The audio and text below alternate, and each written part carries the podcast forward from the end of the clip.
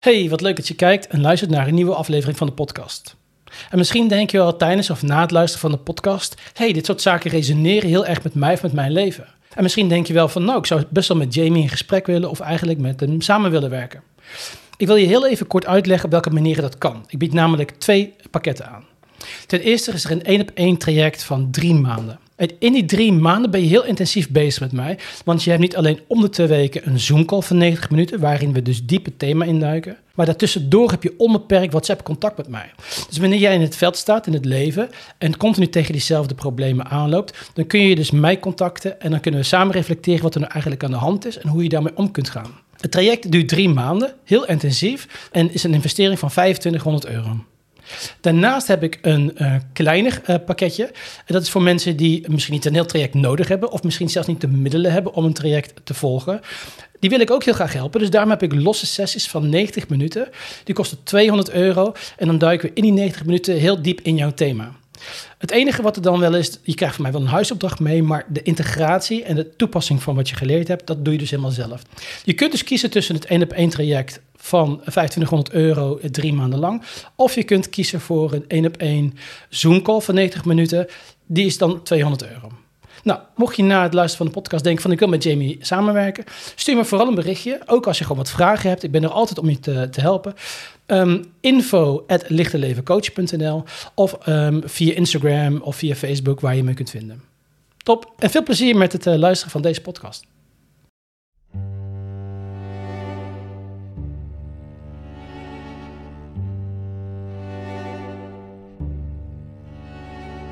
Heb jij dat ook wel eens? Dat je denkt, waarom doe je nou zo?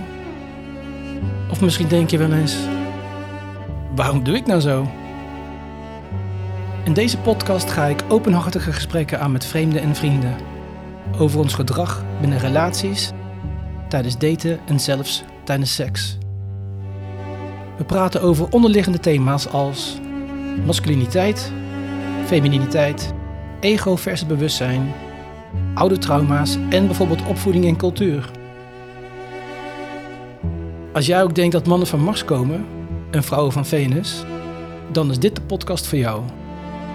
Om door openlijk te spreken over taboes en gevoelige onderwerpen, hoop ik dat we elkaar en onszelf een beetje beter leren begrijpen. Wil jij ook een keer aan tafel of heb jij een heel goed idee? Stuur dan een berichtje naar info@waaromdoejenouzo.nl of ga naar het Instagram-account apenstaartje. Waarom doe je nou zo? Uh, welkom iedereen bij een nieuwe aflevering van de podcast Waarom doe je nou zo? Ik heb vandaag een hele leuke gast uh, bij mij aan, uh, nou niet aan tafel, maar op de stoel. Um, wat heel veel mensen niet weten is dat ik ook fotograaf ben en ik doe normaal gesproken internationale bruiloften. En ik ben ooit eens een keer in Marrakesh geweest. Toen heb ik een bruiloft mogen fotograferen van iemand. En via dit koppel um, kwam mijn huidige, uh, mijn um, gast van vandaag um, in beeld. Want zij is onlangs gaan trouwen en ik mocht de fotograaf zijn. Nou, allemaal niet zo heel bijzonder. Alleen ik zat aan tafel bij uh, de gast van vandaag. En zij vertelde me dat ze een um, women empowering uh, bedrijf heeft. En dat heeft heel erg te maken natuurlijk met uh, traumaheling en in je kracht staan. Dus ik ging helemaal aan. Toen hebben we eigenlijk gelijk al afgesproken van uh, als de bruiloft voorbij is en alles is koekenij, dan gaan we nog een keer met elkaar in gesprek. En bij anders dan in de podcast. Mijn gast van vandaag is Michelle. Ja, nou, ik vind het leuk om te komen. Een beetje spannend nog, maar ja, ik praat liever zonder camera's, maar dat komt helemaal goed. Ja, super tof dat je dat, uh, ja, eigenlijk via Bas dan zeg maar, dat ik zei, ja, wie is die fotograaf? Die wil ik hebben, want het is in het moment en dat vind ik leuk. Ja. En jij kwam binnen met de trui zelf nadenken. Toen dacht ik, oh, dit is echt heel toevallig. En uh, eigenlijk Bart ook. Uh, ook spiritueel. Dus het is heel grappig om dat je zegt. Ja, de videograaf. Ja. Dat je gewoon met elkaar in één keer gewoon zo connected bent. En dat het gewoon goed is. Ja, en, voelde gewoon ook gelijk. Ja, gewoon goed, ja. Of er verder geen dingen uit te leggen of zo. Dan ja. is het gewoon op gevoel. Dus dat was wel super tof. Ja. Nou, heb je een bedrijf, um, of ja, is het, is het een bedrijf? Je doet in ieder geval evenementen onder de naam Empowered. Ja, het is een bedrijf, maar eh, het is zeg maar een, een, een... Ja, ik, heb een, ik ben ingeschreven bij de Kamer van Koophandel met Bram Ladage. Dus met de Ja. patatwinkel, zeg maar. En eh, daarnaast ben ik eh, met dat begonnen. Hmm. Bij Bram Ladage doe ik eigenlijk precies hetzelfde. Alleen iedereen. En dan... eh, ik verkoop daar een gevoel. En dat patatje krijg je er met heel veel liefde gemaakt Oh. bij. Maar Wat grappig. Ik, eh, ik had de zaak vanaf mijn 21ste. Oké, dat wilde ik vragen. Dus vanaf, hoe oud ben je nu? Ik ben nu 36. Oké. En, Dus die heb je eh, al een tijdje. Ja. Eén eh bramladage. Ja, Voor de mensen die het niet eh, kennen, bramladage is de Vers patat en het is echt Rotterdam. ja, echt Rotterdams lekkerste ja. friet. Iedereen uit Rotterdam kent bramladage. Ja, sowieso uit Rotterdam en Zoetermeer ondertussen ook. En eh, ja, ehm, van daaruit was het heel veel werken, ehm, maar ook alle vrienden willen onderhouden. Vooral heel erg in het pleasen, zeg maar. Want iedereen moet mij lief vinden, iedereen moet mij leuk vinden. En Mm. ik was maar aan het verbinden en ja, mezelf altijd weggecijferd, zeg maar. Want ik was dik en ik was lelijk en ik mocht er niet zijn. Mm. En ja, wat doe ik hier eigenlijk? Ik snapte het ook nooit. En ehm, ja, dus ging ik gewoon heel veel patatjes bakken. En daar kon ik mensen blij maken. En als de mensen dan blij waren, dan werd ik blij. Want dat Ja. zei mijn moeder ook altijd vroeger van... ik ben gelukkig als jullie gelukkig zijn. Maar nu denk ik, ja, maar dan ben je nooit gelukkig. Je mag zelf gelukkig zijn. Ja. Maar toen de tijd eh, zeker eh, een aantal jaren gelukt, keihard werken. En eh, op een gegeven moment denk ik, ja, als ik dan een huis, een auto, veel geld op de bank heb, dan heb je succes. Dan ben ik succesvol. Ja, en toen kwam ik op dat punt en toen voelde succesvol heel leeg. Ja. Ik had heel veel geld op de bank staan. Ik had een auto, ik had een eh, mooi huis in een leuke wijk van Rotterdam. En eh, toen ging ik delen hoe ik me voelde, want ik voelde me echt heel kut. Ja. En de eerste opmerking die ik ook kreeg... je hebt toch niks te zeuren? Je hebt een mooi huis, je hebt een leuke auto, je hebt een goed leven. Ja. Hoe dan? Ja. En toen dacht ik, oké, kut, het mag het dus niet zijn. Nee. En eh, nou, uiteindelijk ehm, ging ik in februari naar Curaçao. En daarna eh, kwam Lex, zeg maar, in beeld. En op de vakantie dacht ik al, oh, dit had ik niet moeten doen. Ik had door moeten gaan. Want door nu rust te nemen, kwam ik uit mijn ren, zeg maar. En ja, het was veiliger om door te blijven gaan. En daar kakte ik helemaal in. En Wat bedoel je met doorgaan? ja, alleen maar werken, aanstaan, heel de dag dienstbaar voor iedereen staan, op vijf verjaardagen tegelijk willen zijn, Mm. omdat ik dan dacht, ja, ik moet daar toch zijn. Ja. Terwijl het prima is, ze hebben het ook gezellig zonder mij. Ja. Het is eigenlijk gewoon een beetje egoïstisch om te denken dat ze het zo leuk vinden Ja. als ik kom. En ehm, nou ja, toen kwam Lex in beeld en toen hij creëerde een soort van rust, maar dat was op dat moment niet zo handig voor mij. En eh, eigenlijk begin van onze relatie kwam ik in de burn-out terecht. Toen heb ik wel gedacht, als, toen ik daar één keer stond te schreeuwen, dat ik echt dacht van wow, komt dit uit mij? Toen dacht ik, nou, als hij nu niet weg gaat, gaat hij nooit meer weg. Oh ja, de Lex bleef. Lex bleef. Tien jaar later getrouwd, maar Ja. je weet nooit hoe het loopt. Maar ik had echt zoiets van, oké, hij ziet mij nu echt. En ik wilde altijd maar eh, voor de ander er zijn, mijn Mm. pijn nooit laten zien. En eh, ja, dat kon bij hem, nog steeds gelukkig. En eh, uiteindelijk ook dat weer drie maanden hup en ik ben er weer en ik ga weer door. Hulp gezocht bij psychologen, want ik ben Mm. dan ook heel erg van het doorpakken. Ehm, daar kon ik het niet vinden. Ik betaalde best wel veel, want ik ging niet eens via de dokter. Omdat ik dacht, ja, weet je, dat betaal ik wel. Ik wil snel weer de be- Ja, beter ja, zijn. Eh, want ik, ik, ja, ik hoefde gewoon echt niet meer wakker te worden. En dat Wow, is niet echt heel Ja. handig, ja. En maar door blijven gaan, hè. Dus echt gewoon kutgevoel. ehm, en door blijven gaan. Ja. En op een gegeven moment ehm, zat ik daar en toen dacht ik, ik krijg hier niks van mee. Ik, ik, ik heb geen handvaten, ik, ik krijg niks van die Nee. mensen. Het voelde ook heel kil en ik bedoel, laat mij maar lullen, ik lul dat uurtje wel vol. Ja. Maar ik had iets nodig van de psycholoog, Ja. vooral een bevestiging of iets. Ging niet krijgen. En toen op een dag belde Marco mij, ik deed heel vaker bij hem trainingen, maar dan zakelijk gezien. En die zei, hoe is het met je? En eh, ik weet nog precies waar ik stond, ook in de keuken in dat oude huis. En toen zei ik, nou kut, eh, van mij hoeft het allemaal niet meer, hoe bedoel je? Ja. Nou gewoon niks niet. En eh, toen zei hij, kom nu langs. Dacht ik, hij bij mij, oké. Nou, toen hebben we in de tuin gezeten, Lex zat erbij. En toen zei hij, ja, mijn vrouw heeft NLP gedaan. Misschien kan ze je wel helpen. Ik dacht, NL wat is? Oh, boeien. Nooit van gehoord. Nooit van gehoord. Ik dacht, ja, boeien wat ze gedaan heeft. Ja. Maar als zij beter dan een psycholoog is, ik kom. Ja. En uh, nou, toen met haar afgesproken. En uh, ja, dat was voor mij heel waardevol. Uh, toen dacht ik, oh, dit is heel interessant. Want je hebt meteen dat je oh, daar kan ik iets mee. Ja. En Je ja, krijgt tools om ja. zelf te werken. En ik hou ervan. Ik, ik kan ook heel goed op mezelf kijken van... hé, hey, dit is niet handig wat je Ja. doet. Maar als je het nog niet allemaal weet... dan Ja. kan je er ook Nee. niks mee, zeg Ja. maar. En uh, nou, dan kreeg ik die tools... en dan kon ik echt goed mee aan de slag. Ik dacht zo, dit is echt lekker. En dat heeft een aantal jaar geduurd... voordat ik het mezelf gunde... om ook NLP te mogen gaan doen. Mm. Dus uiteindelijk uh, ging ik door...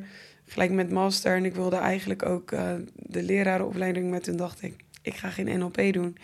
Maar mijn overtuiging was dat ik dom was. Oh. Ik had nog wel wat overtuigingen over mezelf.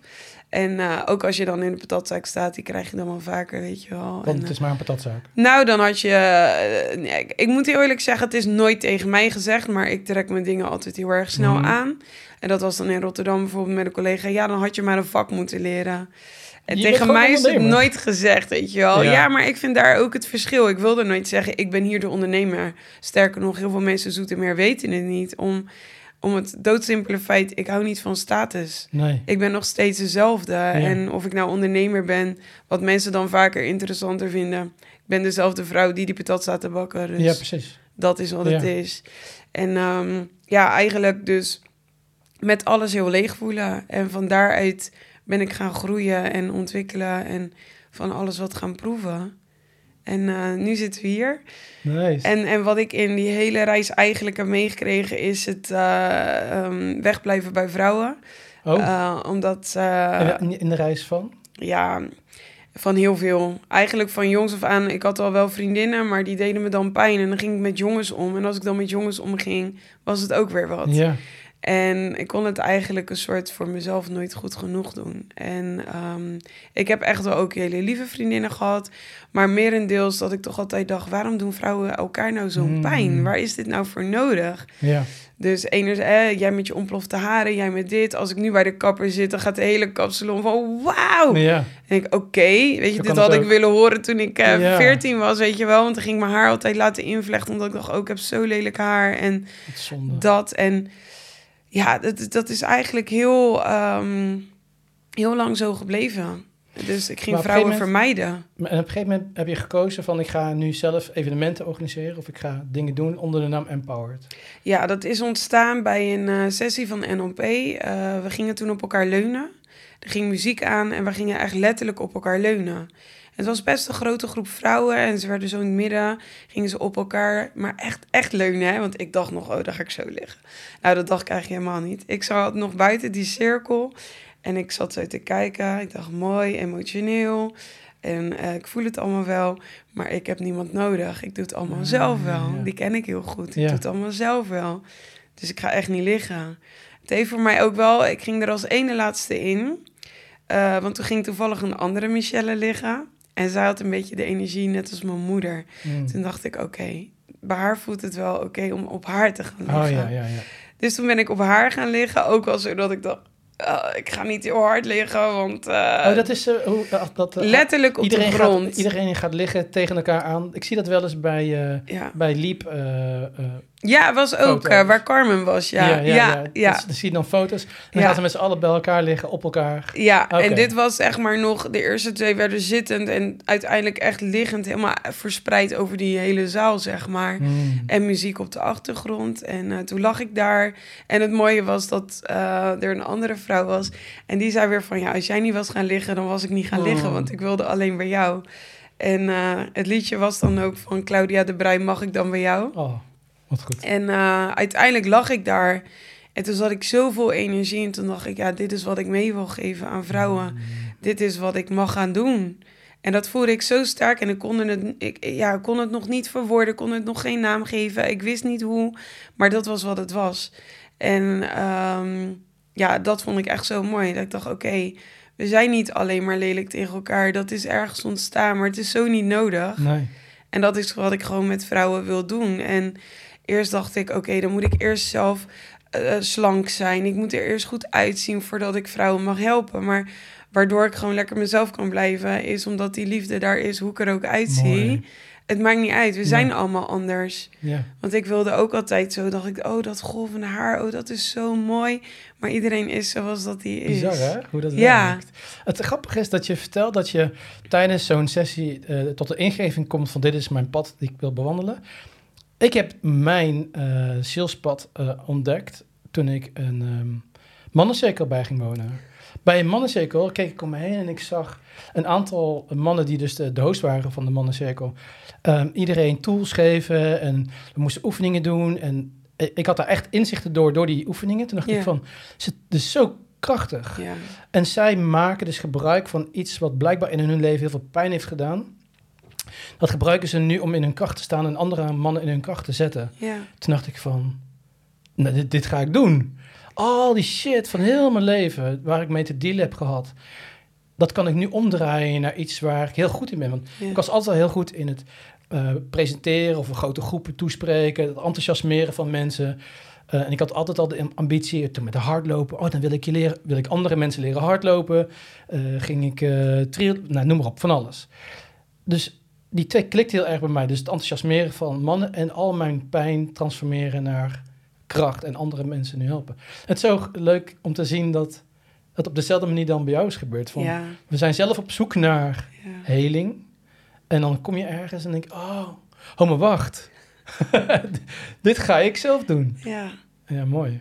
Ja, en dat was nog niet eens dat ik al wist over spiritua- spiritualiteit. En daar was ik nog helemaal niet. Maar ik dacht gewoon, dit is wat ik voel. En dit is gewoon magisch. En dit mag er gewoon zijn. Want het is zo waardevol en zo helend toen al. Je hoeft het ook allemaal niet te weten. En ehm, ja, dat was wel ook in, ja, in die tijd dat ik gewoon zoveel pijn had van vrouwen, teleurstellingen. Ik had natuurlijk ook verwachtingen, anders heb je niet constant teleurstellingen. Maar ik was daar voor iedereen. Maar waar was iedereen nou voor mij? En dat patroon blijft zich wel herhalen, want dat had ik tot de bruiloft nog steeds. Want ik heb na de bruiloft echt, eh, ik heb echt genoten. Maar ik heb daarna echt twee hele donkere weken voor mezelf gehad. Maar daar mocht ik dus ook gewoon echt in zijn. Ja, en goed zo. het was echt gewoon. Het was ook niet. Normaal kon ik heel erg in de slachtofferrol zijn. Oh, waarom gebeurt dit nou bij mij? ja. Nou, omdat het nodig is om te zijn waar je hè, mag zijn. En het was echt wel dat ik dacht. pff. Maar ik ben me ook gaan uitspreken. Dus waar ik eerder voor koos van oké, ik ga wel met mannen om. Want ik heb dus ook echt mannelijke vrienden. Nou, dat zag je. Ja, Bas die zijn speech stond te doen. ja En vent. ja, super tof. Echt ook mijn maatje. En dat je dan denkt van ja, dan ga ik het maar in die veilige hoek. z- Want ja, dan kunnen ze me geen pijn doen. En Ja. ik had nog meer vrienden en dan gingen we gewoon op stap. En het was oké als ik een heel mooi outfitje uit had. Het was ook oké als ik een joggingpak aan had. Ja, ja, want ja. ik mocht gewoon ik zijn. Maar even naar je... brui- Wil je daar iets over delen? Ja, Uh, ja, nee, zeker. Ja, want ik heb het ook uitgesproken naar mijn vriendinnen. En Dus eer, eer- eh, eh, ehm, anders gaan we te snel door ja, dingen heen. ben ik. Ja, ja, ja. ik, ik liet je nu gewoon nog even los. En nu gaan we zeg maar Juist, iets... eh, dat is Oké, beter. je bruiloft. Dus je bruiloft was zelf... Was het, voelde je je fijn op je bruiloft? Ja, eh, ik, eh, ik heb er enorm naar uitgekeken. En ik zei ook tegen Lex, je had het ook uiteindelijk niet op een mooier moment kunnen doen dan nu. Ja. Omdat ik heel erg in het moment kan, zi- ja, Ja. kan zijn. Eigenlijk, Dus je was al ontwikkeld genoeg om echt te genieten van het moment. ja. want zin. eerder was ik inderdaad iedereen nog steeds aan het pleasen. ja, En ja. was ik daar niet. Dan was ik alweer Ja. van, oh ja, maar straks komt dat en straks komt dat. En Maar nu, je bent wel een beetje een controle een beetje. ik zeg het heel lief. ja. Want ik weet nog dat we bij... eh, ik stond bij Lex in de kamer en hij was zich aan het omkleden. En hij was zijn, eh, hoe noem je dat in het Nederlands? Kaflinks, zijn eh Die machetknopen was hij kwijt. En je, je zag het gewoon aan hem. Oh, dan bel ik gewoon Michelle, die regelt het gewoon. hij, was, eh, hij was ze kwijt, maar ze hingen gewoon in een zakje Ja. achter het jasje. maar jij was degene die dan eh, de zorg... Ja, ik, het, het, controle kan ik nu wel steeds meer loslaten. Maar ik heb voor alles een oplossing. Ja. Want springkussen voor die kinderen die wit was en bij de bruiloft paste, die werd niet geleverd. En toen kwamen we uit het stadhuis en toen stond ik met mijn telefoon. Ja, hoezo sta jij te bellen? Ik moet even springkussen regelen, want ik ken nog wel een vaste klant van Bram Ladage. En ze zijn super tof. Dan bel ik hun gewoon. Dat is heel erg masculine. Je staat heel erg in je Ja. masculine kracht. Ja, en dat heb ik jarenlang te veel gedaan, Ja. waardoor ik uit balans was. Oké. En nu kan ik in, ja, op, Nu kan je op, je op beide, aanspreken. zeg maar. Ja. ja. Oké, bruiloft. Die was... eh, Bruiloft, ja. Dus ik was wel echt eh, in het moment. Maar ik merkte toch ehm, dat, eh, dat ik uiteindelijk te veel rekening houd. Is die klaar? Uh, Hun mogen ook nu, kom op, we mogen er ook bij. Je wilt niemand vergeten, je wilt iedereen zien. Ehm, dus ik was in het moment. Maar op een gegeven moment dat ik toen we terug uit het stadhuis kwamen, kwamen, toen zat ik daar. En wij wilden niet dat dat standaard handjes schudden. En, en toen zat ik daar en toen zat ik ook echt in mijn uppie. En toen dacht ik, waar zijn nu al mijn vriendinnen? Ik voel me eenzaam. Oh, wow. En, en dat was helemaal nodig om uiteindelijk de gesprekken te mogen voeren en echt te mogen doorvoelen van oké, wat is dat dan toch? Ehm, ik ben met meerdere helemaal goed en eigenlijk kan ik heel snel met mensen goed contact hebben en waardoor um, de vrouwen waar ik mee in gesprek ben gaan ook aan hebben gegeven van ja, je weet ook niet altijd zo goed je plek, zeg maar. Hmm. Want het stukje van ja, jij hebt het allemaal geregeld, jij doet het allemaal. Ehm, dat ze een soort niet per se weten, oh, daar is dan die ruimte voor mij. Terwijl ik juist heel graag wil dat ik gezien word, zeg maar. Ja. daar gaat het uiteindelijk om, van ik voel me niet gezien. Ja. Terwijl in, in wat ik dan terugkrijg is van, ja, maar jij doet het allemaal. Je regelt het allemaal tot in het laatste detail. Want de dag daarvoor stonden we de tafels en stoelen zelf klaar te zetten. We hebben ook alles zelf opgeruimd. Dus het is van A tot Z. En, uh, dan ehm, creëer je ook wel een beetje een afstand natuurlijk tussen ja. Iedereen om je heen... die misschien heel graag wil helpen. En dan zeg jij van nee, nee, nee, blijf maar op afstand, ik regel het zelf. Ja. maar nee, nee, nee, ik regel het zelf. En dan ben je klaar en dan zeg je, maar waar zijn jullie dan? Ja, we moesten toch daar? We moesten toch Precies. op afstand blijven van je? Dat. Energetisch gezien dan, hè? Precies, en dat is het. Het is gewoon in energie. Want je wil heel graag dat ze bij je zijn. Ja. Maar je geeft ergens aan van, oké, maar ik ben sterk genoeg. Want ik doe het wel alleen. Die zat daaronder gewoon. Ik doe het wel alleen. Maar ik wil het niet meer alleen doen. Ik wil gewoon delen. Ik wil ook gewoon en e-, enerzijds dacht ik, ja, hoe kan dat dan? Want ik ben ook juist heel kwetsbaar bij mijn vriendinnen. Want ik ben heel open, ik praat overal over. Dus hoe kan dat dan? Mag ik reflecteren? Ja. Dat vind ik heel interessant. Ehm, wat ik zie is dat, ehm, ik denk dat we dat allemaal doen. Ehm, wij, zijn, wij net, net als ik, ik ben ook gewend om alles in eens te doen, omdat ik altijd alles alleen, alleen heb moeten doen. Daarom heb ik ook heel weinig vrienden. Uh, ik ken duizenden mensen, maar ik heb heel weinig vrienden. En dat is mijn eigen keuze geweest, omdat ik ze ook op afstand hield. Want laat mij maar gewoon lekker alles alleen doen. Maar als uh, wij onszelf zo sterk houden in het leven, dan houden we zeg maar, de kwetsbaarheid van onszelf ook heel erg ver weg. Want wij willen heel sterk zijn om ons staande te houden, want zo hebben we leren overleven. En op het moment dat we naar de buitenwereld te laten zien van jongens, ik ben heel erg sterk, dan zeggen al die mensen eigenlijk tegen ons van, oh ja, nou jij bent heel erg sterk. Dan kan me dan in ieder geval bezig met deze mensen, want die zijn wat zwakker en die hebben dan wat, misschien wat aandacht nodig. Terwijl het eigenlijk meer een kopingsmechanisme is van, om die uh, zwakte of die kwetsbaarheid van jezelf te beschermen. En dan kijk je naar jezelf, maar er is ook een heel erg kwetsbaar meisje. Maar omdat je ziet dat andere mensen jou niet zien, is het dus eigenlijk dat jij jezelf zo sterk hebt gehouden dat jij jezelf niet ziet. Je ziet je eigen kwetsbaarheid niet. Ja. En pas wanneer je je eigen kwetsbaarheid durft aan te kijken en die er mag zijn, dan zal de buitenwereld reflecteren naar jou. Oh, maar er is een heel mooi kwetsbaar meisje. En, maar die willen wij ook heel graag zien. Het is continu het zelf manifesteren in de buitenwereld dat we van binnen voelen. Ja. Dus oh, ik ben helemaal onafhankelijk en sterk. Dan zegt de buitenwereld, maar jij bent onafhankelijk en sterk. En als jij zegt, oh nee, maar nu ben ik kwetsbaar, ik, ik omarm iedereen om mij te zien. Dan zegt de buitenwereld, oh, maar dan, dan wil ik nu bij je visite, want dan wil ik horen wat er met ja. jou aan de hand is. Ja. En ik heb dat ook, als ik zeg maar nu uh, om me heen kijk en ik zie heel veel uh, vrienden van mij, die hebben dan kleine groepjes van vijf jongens en die gaan dan lekker op vakantie. Dan denk ja man, dat wil ik ook. Ja. Maar fucking eenzaam, ik heb dat niet. Ja. Maar ik weet dat het mijn eigen keuze is geweest, energetisch gezien, om me altijd maar zo sterk te houden, dat mijn kwetsbaarheid heel moeilijk ehm, te delen is met andere mannen, ja. of met andere mensen. Ja. Eén jongen met wie ik het wel doe, en die is dan ook altijd in mijn nabijheid. Ja. Dus mijn buitenwereld zegt iets over hoe ik met mezelf omga en hoe ik in het leven mezelf positioneer. Wat er in, in mij speelt. Ja, en dat is ook heel mooi inderdaad hoe je dat zegt. Want daarna is het dus ook ontstaan dat ik uh, met twee hele goede vriendinnen... die ik dus echt gewoon weet, ze zijn er. En dat weten ze andersom ook. Ehm, maar dat is tegelijkertijd geven en nemen. En dat vond ik dus ook gewoon lastiger. Dus ik koos ook gewoon de mensen uit waar ik alleen maar kon geven. Ja. En de mensen waar ik ook bij mo- mocht ontvangen, vond ik gewoon lastig. Dacht ik, blijf maar daar. Ik vind je echt wel leuk, maar gewoon te spannend. Ja. Niet letterlijk over nagedacht, maar dat ik daarna, na de bruiloft, dus echt daar kon zijn. Dat ik dacht, oké, dit is dus wat gebeurt. Ja. En toen zaten we bij mij op de bank en toen ehm, hadden we het er zo over. En toen gingen we echt dieper. En toen heb ik echt als een klein meisje tussen hun in. Ik ben Oh, tussen hun in gaan zitten op de bank. Ben ik gaan huilen. Hebben elkaars handen vastgehouden. Want ook net als met de speech. Uiteindelijk heeft Bas voor mij gespeech. Want er was eigenlijk niemand voor mij.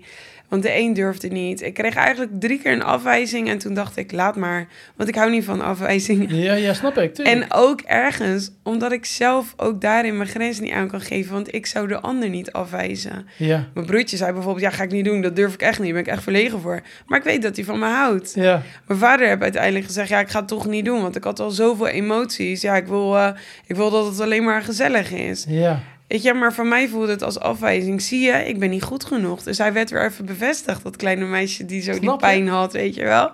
En Maar zie je dat je het zelf aan het manifesteren was? ja, Juist omdat jij van jezelf gelooft. ehm, ik, ben niet, ik word niet gezien, ik Ja. ben het niet waard, omdat mensen over die schaamte heen gaan staan en Ja. voor mij gaan speechen.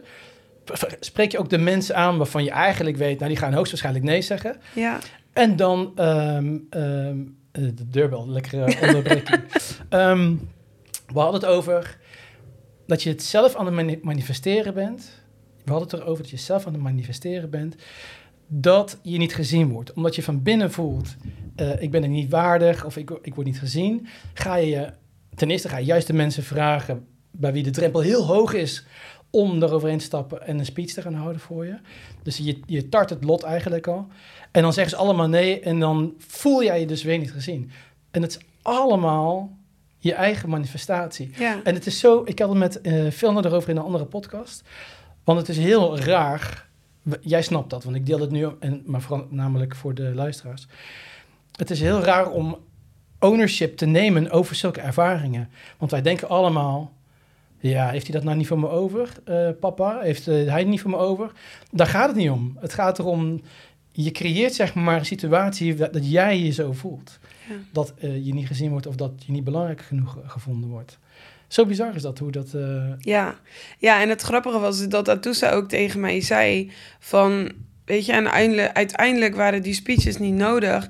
Want er werd de hele dag gespeech hoe bijzonder en waardevol je voor een ieder was die daar was.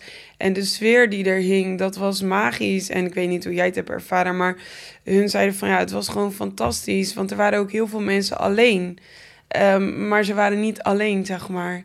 En ehm, dat vond ik ook heel waardevol. En uiteindelijk hebben we daar ook echt in, ja, dat ik gewoon ook mag gaan vragen. En ik mag ook eh, mijn kwetsbaarheid, ik hoef niet altijd maar alles van iedereen te dragen. ja. En, en dat is uiteindelijk wat ik nu ook wel voel. Dat ik ook juist wil delen bij Empowered, wat uiteindelijk Herflow Adventures wordt. Want eh, weet je, ook daarin, eh, ik wil altijd, wat ik dan voel, wil ik doen. Maar dan in die kaders van marketing, ja, weet je, dan, dan mag je hey, het focus je op één doel. Maar ik denk, ja, dat past ook gewoon niet bij mij. Ik mag gewoon naar mijn gevoel luisteren. En ik zie het allemaal wel. ja.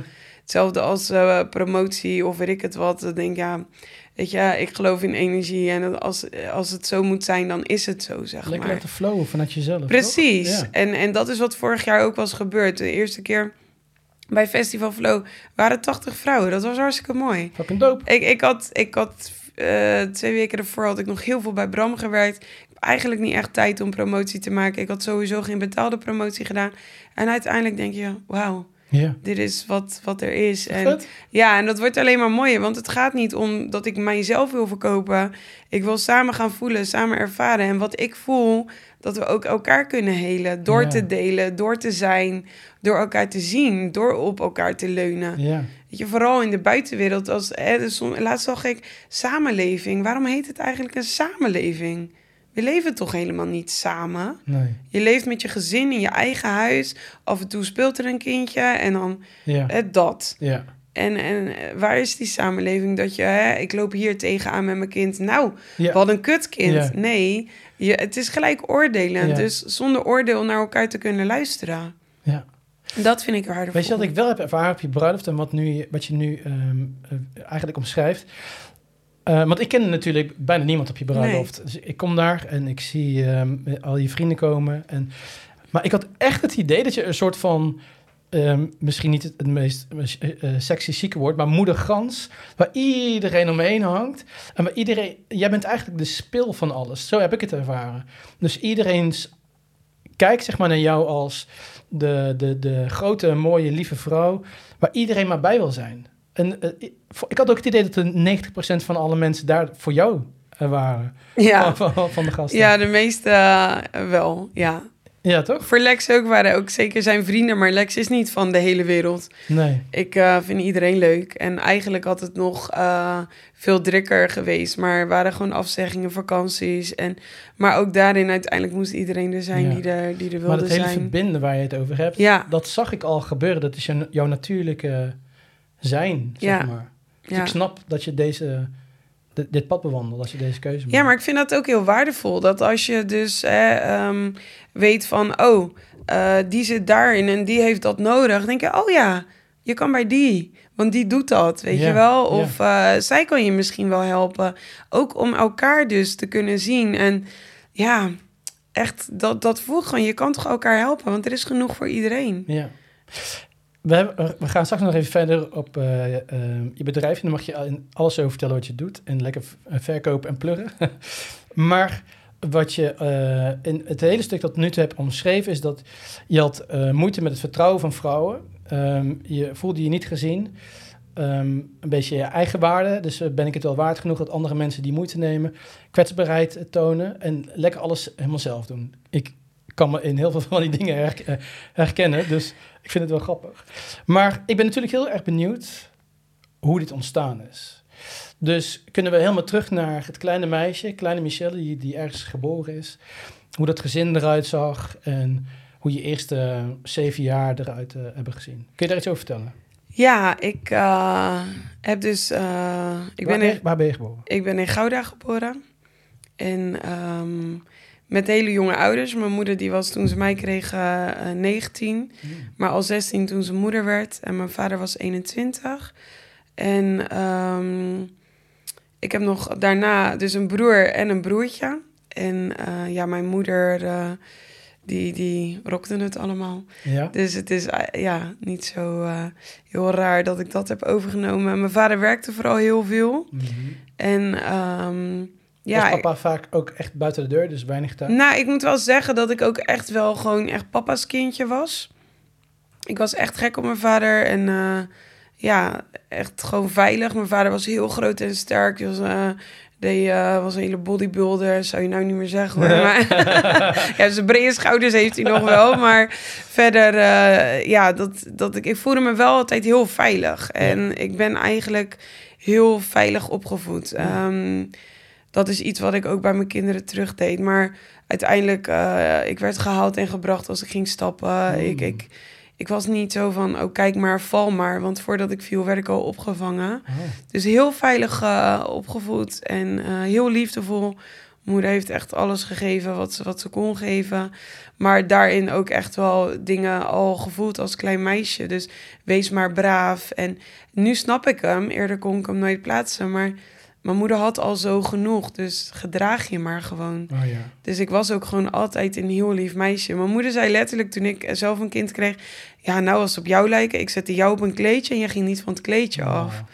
En ehm, ja, dat is wel heel bijzonder hoe dat uiteindelijk dan gegaan is. En ehm, ja, tot mijn zevende jaar ja, was dat helemaal goed, liefdevol, beschermd. Alleen eh, bij opa's en oma's, eh, daar was het eh, anders. Oh.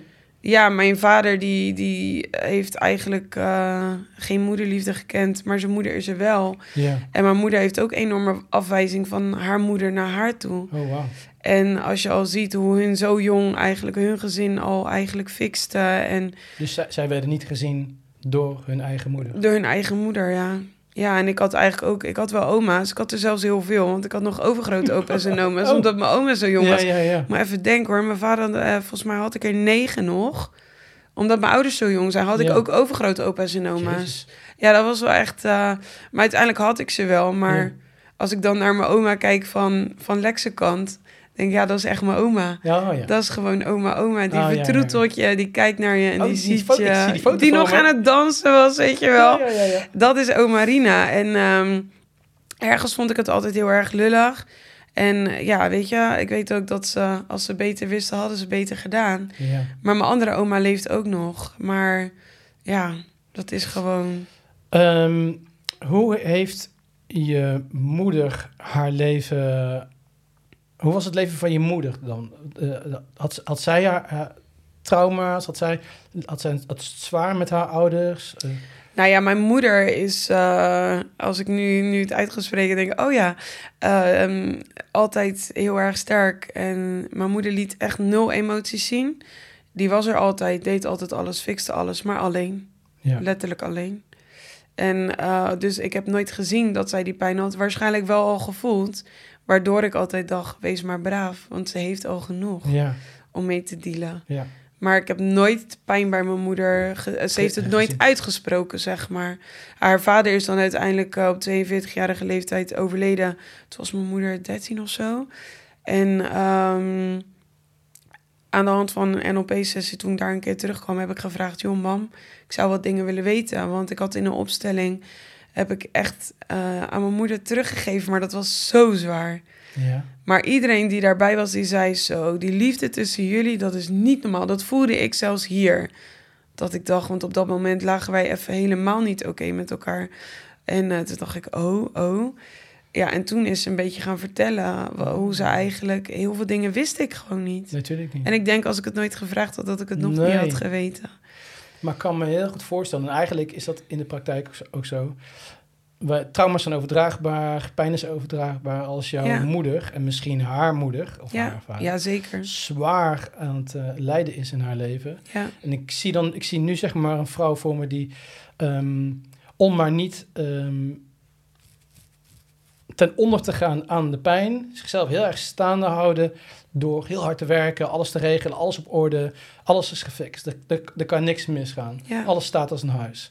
Want dan sta ik als een huis. Ja. Dat, dat zie ik dan voor me. Maar als zij er niet mee deelt, als haar moeder er niet mee deelt, dan komt het bij jou. En dan is de vraag, ga jij ermee dealen? En ik zie dan eigenlijk hetzelfde patroon. Je gaat keihard staan, ondernemen, voor iedereen zorgen, altijd overal zijn, iedereen pleasen. Keihard staan als een dijk van huis, zware masculine energie.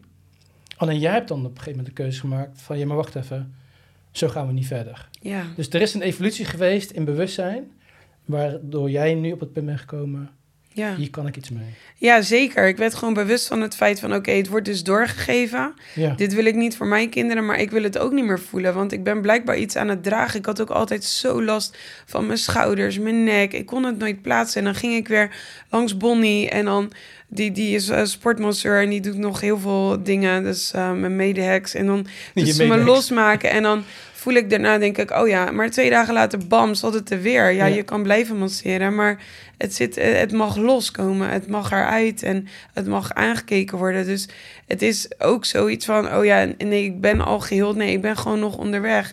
Eh, Ik kom nog steeds dingen tegen, maar ik denk dat dat heel je leven, dat je blijft leren en ontdekken. Maar wel dat ik bewust ben van, oh, ja, oh, nu schreeuw ik tegen mijn kinderen. Oh, nu hoor ik eigenlijk mijn moeder, want je voelt je niet gezien. En wat doe je als je niet gezien wil? Dan wil je gezien worden, dus je gaat schreeuwen. Dan denk ik, oh ja, shit, nu hoor ik precies mijn moeder. Hé, hey, dit is niet de bedoeling. Deze Nee. patronen wil ik doorbreken en ik wil het zeker niet aan mijn kinderen doorgeven. ja. En ja, dat is gewoon. ehm, enerzijds vind ik het juist niet zwaar. Ik vind het juist verlichtend om het te mogen doen. Ik vond het juist veel zwaarder om het allemaal bij me Ja. te dragen.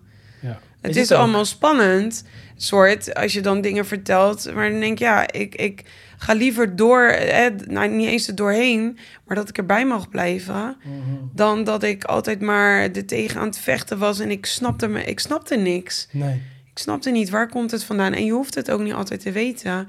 Maar wel dat ik dacht, oké, wat ik nu voel is pijn. Oké, nou, je mag er zijn en het is oké. Ja. En eh, ik voel afwijzing. Oké, nou, dit is wat ik dus mag voelen. Ja. En het niet meer ergens anders. En normaal ging ik dan heel erg naar anderen weer zorgen en doen. En nu die twee weken na de bruiloft was ik echt met mezelf. Ja. Weet je, ik hoefde ook even geen mensen om me heen. En weer voor iedereen te zorgen. En toen heb ik letterlijk tegen Lex ook gezegd: ik sta altijd met één been in ons gezin. En met mijn andere been ben ik de hele wereld nog steeds tevreden aan het houden. Mm. Ik ga nu met twee benen staan en ik ga er voor mij zijn. En doordat ik laat zien dat ik er voor mij ben, heb je daarin een les voor die ander. Van hé, hey, ook jij mag voor jou zijn. En Ja. daarin kunnen we nog meer voor elkaar betekenen. Ja. En als jij in je kracht gaat staan, dan gun, dan gun je andere mensen ook hun plek Ja, om naar jou toe te komen. precies. En in dan plaats van, weet je wel, die... dat. Ja. En toen zaten ze in één keer daar op die bank naar mij te je, ja. luisteren. Terwijl normaal zat ik op die bank naar hun te luisteren. Ja. En dan zeiden ze ook wel, ja nee, en jij dan? En ik kan wel zeg maar mijn plek innemen door altijd te vertellen. ja. Maar Ja, ja, het ja, stukje kwetsbaarheid en vertellen, want het is maar een verhaal. Vertellen ken ik wel. Ja, ja, ja.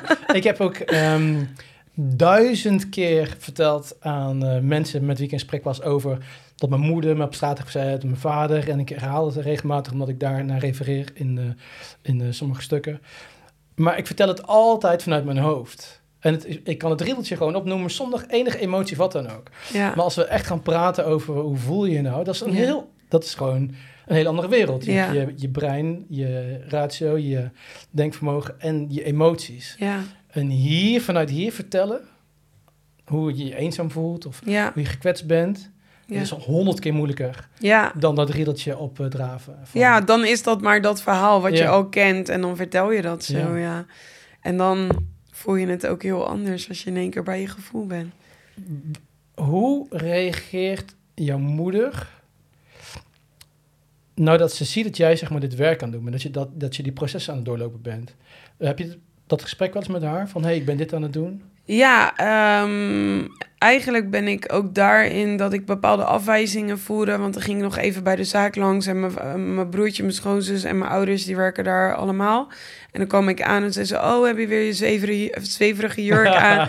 en dan dacht ik, oh, en ik denk als ze er bewust van zijn, dat ze denken, nou, zo bedoel ik het helemaal niet. Maar ze zeiden het wel en ik voelde het zo.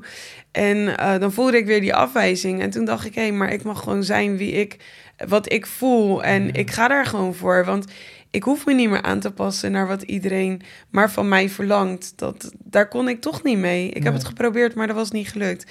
En uiteindelijk zei mijn moeder laatst tegen mij... Ik heb zoveel dingen van je geleerd. En, eh, dus het is echt wel Oh. heel mooi om... Mijn moeder had ook eh, op de bruiloft een jurk aan met blote armen. Terwijl zij, eh, ja, hè, ook daarin... Ja. Ik ben niet goed genoeg, ik ben dik en lelijk. Dat, hè, dat heb ik ook gewoon eigenlijk meegekregen. Niet dat mijn moeder dat tegen mij verteld heeft, maar echt gewoon overgenomen. Ja.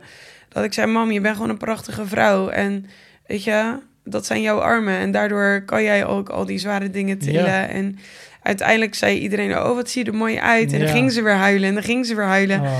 Omdat ze hè, ook daarin er altijd voor een ieder was, maar niet voor zichzelf. Zij kreeg notabene twee jaar geleden, misschien tweeënhalf jaar geleden, kreeg ze kanker. En toen stonden wij allemaal te huilen. En eh, toen zei ze, "Pff, je hoeft echt niet te huilen hoor, want eh, ik ben echt niet van plan om dood te gaan. Dus, eh, Wat dus mijn vader, mijn broers en ik. En, Lex was er nog niet, want het was een beetje al tegen corona geloof ik. Ja, was al, dus we mochten er niet allemaal eh, bij. Jeetje. En ehm nou, huilen, en het is echt zo nuchter dat ik dacht, ja, weet je, en dat geloof ik dan ook als ze dat zegt. Ja. Zij is zo sterk. Maar aan de andere kant denk ik, ja, zij mag zo ook gaan helen. En ik hoop, enerzijds gun ik het haar dat, het dat, nog, dat ze dat nog gaat doen. Mhm. En anderzijds is het aan haar. Want ik heb heel erg lang mijn moeder willen fixen. Dat ik Mm. dacht, oh ja, oh, dit ga ik tegen moeder vertellen. Oh, ik ga haar dat boek geven. Oh, dus dan wil je het fixen. Was hetzelfde met mijn man.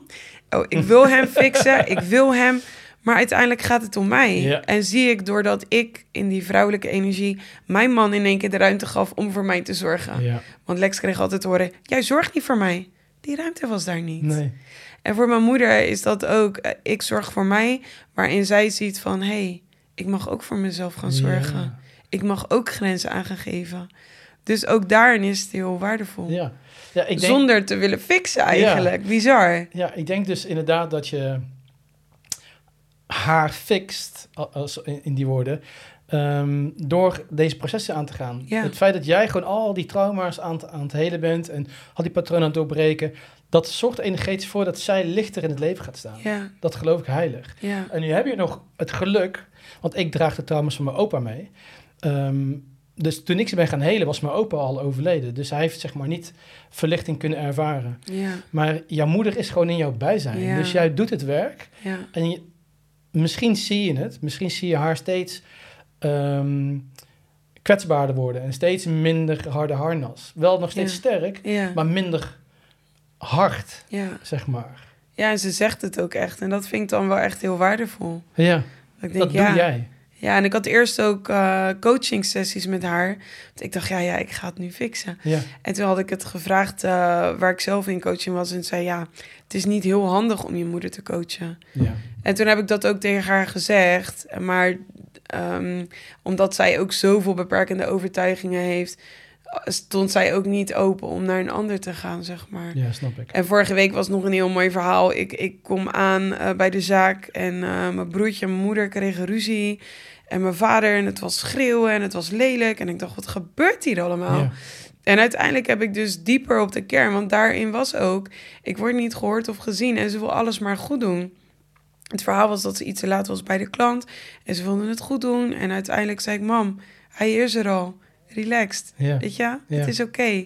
Maar dat schreeuwen was ook weer van, ik wil gezien en gehoord worden. Maar ja, juist in die zachtheid wordt ze wel gezien en gehoord. Dan wordt ze juist gezien. Ja. Dat hebben we natuurlijk allemaal. Ja, Wat ik me ook voor kan stellen is dat ehm, als wij zo gewend zijn om. ehm, dat zit dan in het gezien worden, tenminste, dat zit dan in de handelingen van het gezien worden.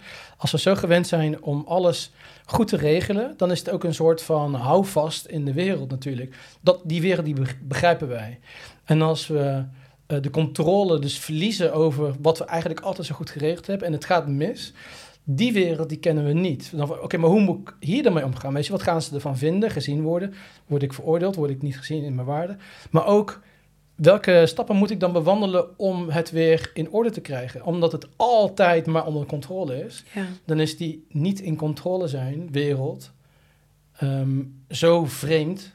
Van, hoe moet je daar dan mee omgaan? En dat is het eigenlijk hetzelfde gevoel als kwetsbaar zijn. Dus ja. Weet je wel, ik, ik hou me altijd sterk. Die wereld ken ik. Oké, kwetsbaar. eh, Oké, ik snap dat ik dat nu moet gaan doen. Maar hoe in hemelsnaam? ja. Hoe, hoe, hoe werkt dat?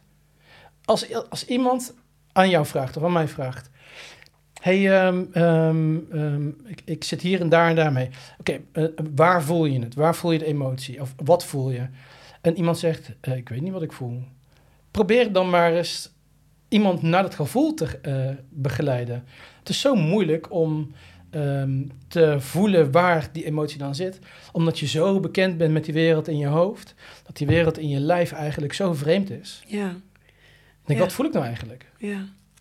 Ja, dat vind ik een hele mooie om te zeggen dat, dat ik heel ehm, vaak nu wordt. Ja, je bent echt heel zweverig. Dan zeg je, maar eigenlijk ben jij heel zweverig, want jij zit in je hoofd en ik zit nu in mijn lichaam. Ik ben grounded. Ja, en dat is wat ik juist heel graag aan iedereen wil meegeven. Maar het is allemaal spannend omdat er weer een label opgeplakt wordt. Maar ga het maar gewoon voelen, ga het maar gewoon ervaren. En dat is wat ik wil doen. Ik denk ook dat je het hoort in mijn taal. Ik let bewust op mijn taal, al die dingen die ik geleerd heb. I don't give a fuck. Ik wil de taal uitspreken die iedereen kan begrijpen. Ja, Want ik was ook onwetend. En dan ging ik ergens luisteren of ging ik een boek lezen. Snapte ik geen tering van op z'n Rotterdams. Dacht ik, ja, ga ik niet doen. nee. En dan ging iemand zeggen over dat en dat. En dacht, waar heb je het in godsnaam Ja. over? Dus ik praat in alle tijden in taal die iedereen kan begrijpen. En inderdaad van, hey, kom jij eens uit je hoofd. Ga jij eens even lekker Ja. Want het is, ja, ik denk, ik denk, ik moet. Hey, je moet helemaal niks. En daarin begon het ook een beetje voor mij, oké, ik moet niks. Maar ja, ik moet wel dit en dit. Nee, dat moet echt niet. Ja, Dat moet ik van mezelf. En waar voor mij ook een heel groot stuk in zat, is het, het, het gaan leven waar ik iets bij voel. Want letterlijk toen zei ja, waar word jij blij van? Wist ik het ook niet. nee. Dacht ik, ik ergens blij van? Geen idee. En nu, ik ben niet te stoppen. Ja, Omdat je in je creatie zit. Je, zit je, je kan het voelen. Maar eerder dacht ik, ja, weet je, neem me mee naar een basketbalwedstrijd. Of we gaan naar de opera. Ik vind alles leuk. Maar dat was ook niet helemaal waar. Ik kon me gewoon heel erg goed aanpassen overal. Of je me nou een Surinaams gezin zet of bij Marokkaan. Ik kom met iedereen overweg, want ik pas me aan. Maar nu kan ik me nog steeds wel aanpassen in de zin van ik mag mezelf zijn. En daarin heb je gewoon die normen en waarden dat je naar een ander kan luisteren of zo, weet ik veel. Maar het stukje, het doet er ook niet meer toe wat de ander over je denkt. ja. Wat denk je over jezelf? Ja. En, en ze denken toch wel wat van je. Ja. Dat is het vooral. Ja, ik, ik vind ook een hele een, een uitspraak heel mooi. Uh, ik ben nooit zo goed in, het, uh, in van die mooie one-liners uh, eruit persen. Maar de, ze zeggen: um, Je gaat je minder zorgen maken over hoe andere mensen over je denken. Zodra je erachter komt dat ze bijna nooit aan je denken. Ja, dat is een goeie. In het Engels klinkt iets mooier, maar ja. want iedereen denkt natuurlijk wel aan je, maar dat ze gewoon die mening gewoon niet. Ja. Ik, ik, dus een klein gekkigheidje, moet ik, moet ik nu even aan denken. Um, vroeger, toen ik heel jong was, toen uh, leerde ik websites maken. En uh, ik was toen al lang bezig met, met DJ, met muziek en uh, noem maar op. En allemaal websites maken, sloeg me nergens op waar die websites voor waren. Ik had een website gemaakt voor mezelf. En uh, ik kon het alleen maar op kantoor doen bij het IT-bedrijf waar ik werkte. Ik had thuis niet de computer om dat, dat te doen. En dan had ik zeg maar iets op die website gezet. En dan kwam ik thuis kwam ik erachter dat dat zeg maar een verkeerde zin was of wat dan ook. Ja. Iets verkeerds. Ik kon mezelf zo opvreten. Om, ik moest dat zo snel mogelijk veranderen. Want oh wee als andere mensen het zouden zien en Ja. dan de mening zouden vormen over mij. En nu realiseer ik me gewoon, ik denk dat de mensen die het, het aantal mensen die het gezien hebben, waren misschien één, hooguit twee mensen. En dan was het misschien iemand die, te, een of ander IT'er, weet je die toevallig die site was. Nobody gives a fuck, jongen, over wat er je maakt je druk. Snap je? Wij denken dat iedereen allemaal een mening heeft over ons. En Iedereen heeft veel te druk met zijn eigen Ja. shit, man. Ja, nou is dat, dat zei ik tegen Luciano, mijn oudste zoon. Eh, die was uitgenodigd om bij eh, Feyenoord samen met eh, zijn broertje, met grensrechters, het veld op te lopen. En Luciano ja, is echt een spiegel van, van mij. En die zei van, ja, nee, ga ik echt niet doen. Er zitten zoveel mensen. En toen zei ik, ja, Luciano, vroeger zat mama op het strand. Was ik één haartje om mijn been vergeten te scheren. En dan zat ik de hele dag zo op Oh, het ja. strand. En, dan, en dan dacht ik, oh, iedereen ziet dat haartje op mijn been. Oh, dat kan echt niet. En vervolgens had mama de hele dag niet naar de zin. Ik was maar bezig met dat haartje. En toen zei ik tegen hem, ik zeg, ja, wie ziet dat haartje? Toen zei hij, ik. en toen zei ik, maar het moraal van het verhaal... als je gewoon plezier maakt met dat ene haartje op je been... is het ook oké. Het gaat Ja. uiteindelijk om jou. En toen zei ik ook tegen hem, als jij daar staat... die mensen komen daar eh, om plezier te hebben... om naar Feyenoord te kijken. De ene belt zijn vriendin, de ander die, die heeft een biertje. En jij hebt plezier. Ja. Want hij zou het zichzelf ontnemen om, te, om naar te denken... dat iedereen naar hem kijkt. Oh, ja. En toen heeft hij het gedaan en hij was zo trots. En hij zei, mam, ik vond het zo leuk. ja. Ik heb zo genoten. En ik denk, ja, zo mooi dat je dat dus aan je kinderen mag doorgeven. Van, ik heb het ook zo ervaren. Maar het inderdaad, het draait niet allemaal om jou. Ja, voor jezelf, maar Ja. niet voor de hele wereld. Nee. Ik ben ook bij mezelf eh, oefeningen gaan doen, of met mezelf oefeningen gaan doen. Want als ik bijvoorbeeld in de supermarkt eh, stond, dan eh, keek ik naar allemaal mensen en dan ehm, ehm, ging ik ze wel analyseren van, oké, wat zie ik? En dan zag ik bijvoorbeeld dat hij een nerdy kapsel had, of had een lelijke broek aan, of wat dan ook. En dan eh, stelde ik mezelf altijd de vraag van, en wel, welke waarde koppel ik aan die persoon? Wat, wat zegt het eh, over die persoon voor mij? En die twee dingen hadden nooit echt met elkaar te maken. Het was meer zeg maar de energie van de persoon, eh, hoe die stond en Ja. hoe die deed tegen de cashier of hoe mensen in gesprek gaan met elkaar. Wat veel meer een indruk bij mij achterliet dan hoe zijn broekspijpen zaten. Weet je wel? Of, Precies, ja. Ehm, ik vind het zo grappig om, om even open boek te spelen. Ehm, Bart, de fotograaf bijvoorbeeld, hij heeft een, een, een eigen kledingstijltje, zeg maar. En eh, op een bruiloft zou ik nooit zo opkomen eh, draven.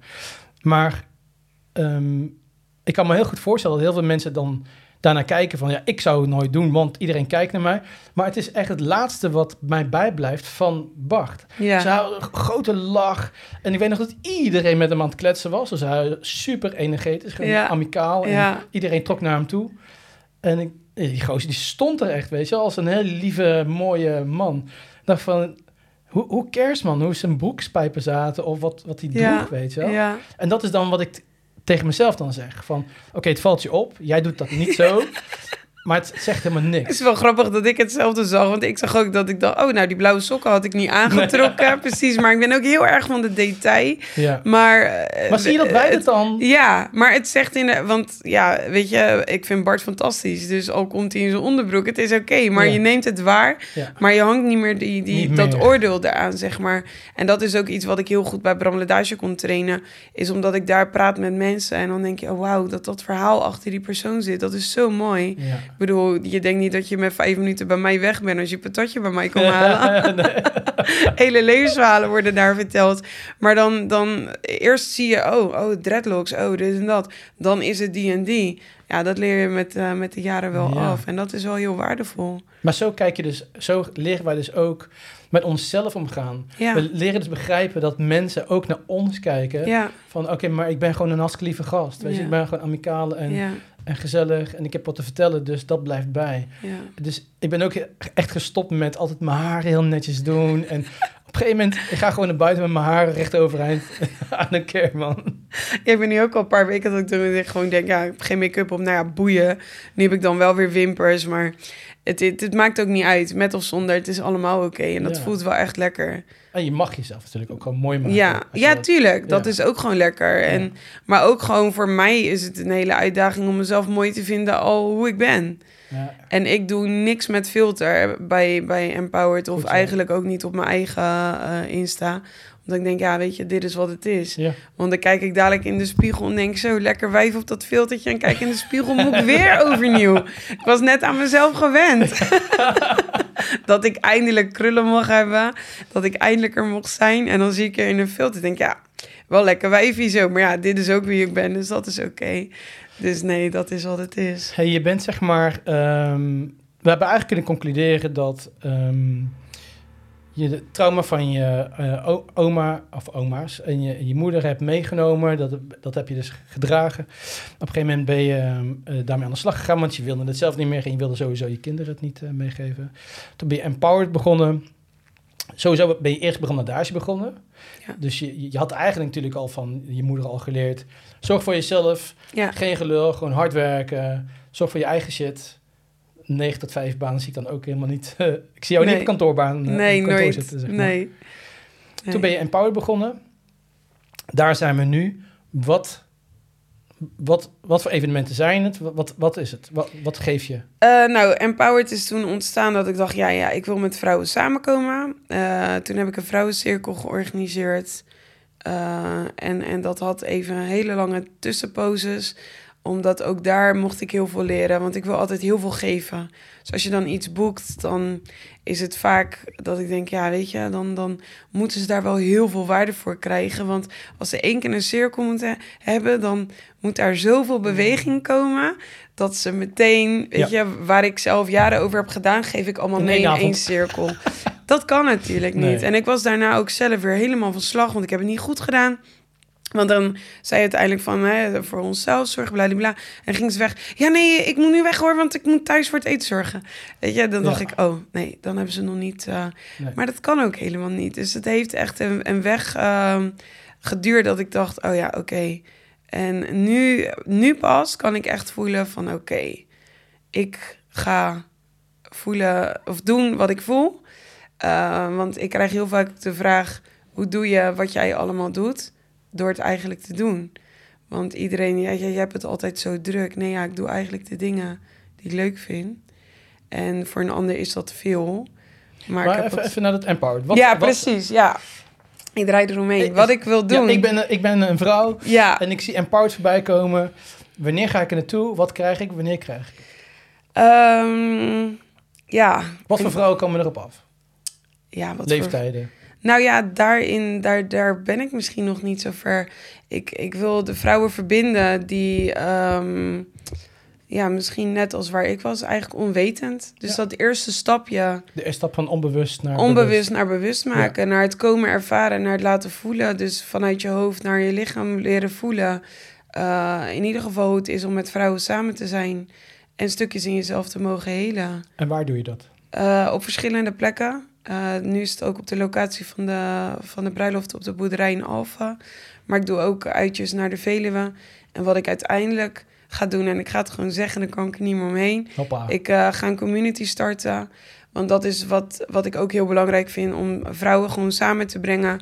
Het maakt niet uit als je maar een vrouw bent en dat je zegt van ehm, het zijn met elkaar en het delen in wat echt speelt, ehm, is zo waardevol. Ja. Daar ga ik zelf ook helemaal op aan. En iedereen die dan bij me is en dat ze ook zeggen, maar als jij daar bent, maak jij iedereen zo vertrouwd. Ik ging laatst lunchen en er waren twee vriendinnen en één vriend konden elkaar niet. En ze gaan zitten en het is oké. Mooi. En toen zeiden hun ook, dit is echt jouw kracht. Ja. Dus dat samenbrengen, leuke dingen doen, maar ook gewoon voor verdieping. En ook mensen uitnodigen van, joh, kan jij een verhaal vertellen? Maar ook, oh, de ene doet social media, de ander doet dat. Kan je wat voor elkaar betekenen? Ja. Dus het is netwerken, verbinden. Het is eigenlijk uh, alles in één. En ook heel veel plezier hebben met elkaar. Wat grappig hè, dat je dus... Eerst was je heel erg wantrouwig naar vrouwen. En dan stoot je ze eigenlijk allemaal af. En nu sta je er gewoon zo sterk in dat je ze allemaal bij elkaar brengt. Ja. En um, ik zag ook op je Empowered Instagram uh, Leap. En ik zag... Um, uh, ik weet niet of ik NLP zeg, maar faciliteer ja. je dat dan zelf of haal je dan mensen die daar... Nou, uh... ik, ik vertel uh, sowieso eigenlijk nooit wat ik zelf allemaal gedaan heb. En dat is ook weer heel grappig, want ik heb NLP dan gedaan, ik heb Leap gedaan, Access Bars. Je kunt je leven helen, Reiki. Ik heb best wel wat dingen gedaan en elke keer als ik het gedaan heb... Dan denk ik, oké, okay, het was nodig voor mij om dingen te leren. Ja. Maar ik ga dit niet faciliteren op een of andere manier. Dat had ik bij Leap ook. Okay. Dat ik dacht, uh, want je was laatst ook bij Suzanne, zag ik? Ja, dat heb ik Ja, gefilmd. heel tof. Ja. Ja. En, en dat ik eerst dacht, want ik had je toen nog een bericht gestuurd. Ja, dat ga ik doen. En uh, Ja, dat uiteindelijk dacht ik, ja, ik voel het gewoon helemaal niet. Want ik wil ook daarin een soort gelijkheid creëren. Dat je dus niet als je iets faciliteert, dat je niet gelijk bent. Maar dat jij daar staat met die open armen om... Hoe moet je dat ver... Ja, ik zie het. Ik zie Hoe het kan ik me. het verwoorden? Um, dus kijk, dat stukje opkijken, die heb ik vaker gehoord. Dus ik wil vooral die gelijkheid. Alles wat ik kan, kan jij ook. Ja, Um, dus als ik iemand uh, een liepsessie wil, dan heb ik genoeg prachtige vrouwen waar je dat kan doen. ja. Maar niet bij mij. Nee, precies. Uh, ik mag gaan verbinden en ik mag laten voelen en je hier in het moment gaan brengen. Heb je al eens van Aubrey Marcus? Nee. Oké, dat is die moet je checken. Ja. Is een uh, Amerikaanse jongen. En die heeft eh, alles gedaan, net zoals jij en ik. Uh, hij, hij, is heel erg veel van ayahuasca en, uh, en plant medicine. Maar hij is niet, zeg maar, de leraar geworden. Hij staat eigenlijk gewoon met beide voeten op dezelfde vloer als, als jij en ik. En hij kent iedereen die maar het beste is in het vak van facilitatie. Van um, traumaheling, noem maar op. Uh, spiritualiteit, alles. En die brengt hij gewoon continu, brengt hij zeg Ja. maar naar de locaties waar hij dan evenementen doet. En dan zegt hij van, nou, weet je wel, hier, geniet ervan. Ja. Maar ik ben met jou, zeg maar, samen dan aan het, uh, aan het ervaren. Ja. Maar het mooie van, uh, van hem is, en dat zie ik dus bij jou ook, zonder dat je het misschien in de gaten hebt, jij bent dan de container, jij bent de spaceholder. Ja. Omdat jij er bent, voelt iedereen zich veilig. ja. Dus dat is de kracht. En dat is flow. Eigenlijk precies wat je net zegt. Mooi. Dus ik laat daar vrouwen komen door uh, te doen waar hun goed in zijn. Ja. En andere vrouwen uit te nodigen. En dan te ervaren van... hé, hey, als je danst, mag je je lichaam voelen. Als je, uh, je mag ook lekker chillen. Je kan ook lekker op de markt... waar weer vrouwen zijn... die allemaal zelf hun producten maken... of vrouwelijke ondernemer... Gewoon het samenbrengen. Maar inderdaad, wat ik vorig jaar ook terugkreeg... de sfeer die daar was... dat was gewoon zo fijn, zo magisch. Dus eigenlijk wat je zegt, je bent een spaceholder. Ja. En ergens dacht ik vorig jaar, oké, okay, uh, ik, ik zat letterlijk in een pipowagen kaartleggingen te doen, zeg maar. dat ik dacht, oké, okay, dit jaar ga ik dus bij de ingang er zijn. Ja. Dus vrouwen te laten voelen dat ze er mogen zijn, te zien. Ja. En ik ga mezelf dus ook niet meer in een hokje zetten. Nee. Maar wel dus dat van, oké, okay, en er komt ook een community aan. Als je daarbij goed voelt, wees welkom. Maar niks geforceerd en... en precies eigenlijk wat je net vertelde. Ja. Ik vind dat alleen nog moeilijker te verwoorden, omdat ik denk, ja, eigenlijk is het heel simpel. Ja, ja dat is het moeilijkste, hè? om iets heel simpels uh, uit te leggen. Ja. Maar dat, dat gaat helemaal goed. Ik zie het, ik zie het voor me. Dus ik ben geen vrouw, maar anders had ik zeker gekomen. Nou, ik denk dat je zeker een keer wordt uitgenodigd, zeker met, eh, met de community. Ik zie het al helemaal, en dat is het. Ik zie het helemaal voor me. Ja. Dat is hetzelfde. Ik had twee zoontjes en ik wist dat ik een dochter kreeg. Hmm. Ik had daar altijd al dat ik dacht, ja, blonde krulletjes. Ik zag er al op een of andere manier. En het is, weet je, ik heb heel veel dingen deel je niet met mensen, omdat ze dan er iets zouden van of, of zouden kunnen vinden. En nu denk ik, ja, weet je, dat is wat het is. Ja. Maar ik zie echt de community al daar zijn. En Zie je het in, in beeld voor je? ja, ja, Dan, dan heb je hetzelfde als ik. Ja. Dat, eh, helderziendheid. ja. Dus zeg, maar, eh, als ik met iemand eh, praat, ook net met jou, weet je, dan ik zie gewoon een plaatje. Dan hoef ik eigenlijk alleen maar te omschrijven wat ik zie. En dan is het 9 van de 10 keer is het gewoon echt Ja. daadwerkelijk zo. Ja, en het mooie is omdat je het, hè, je ziet het al voor je.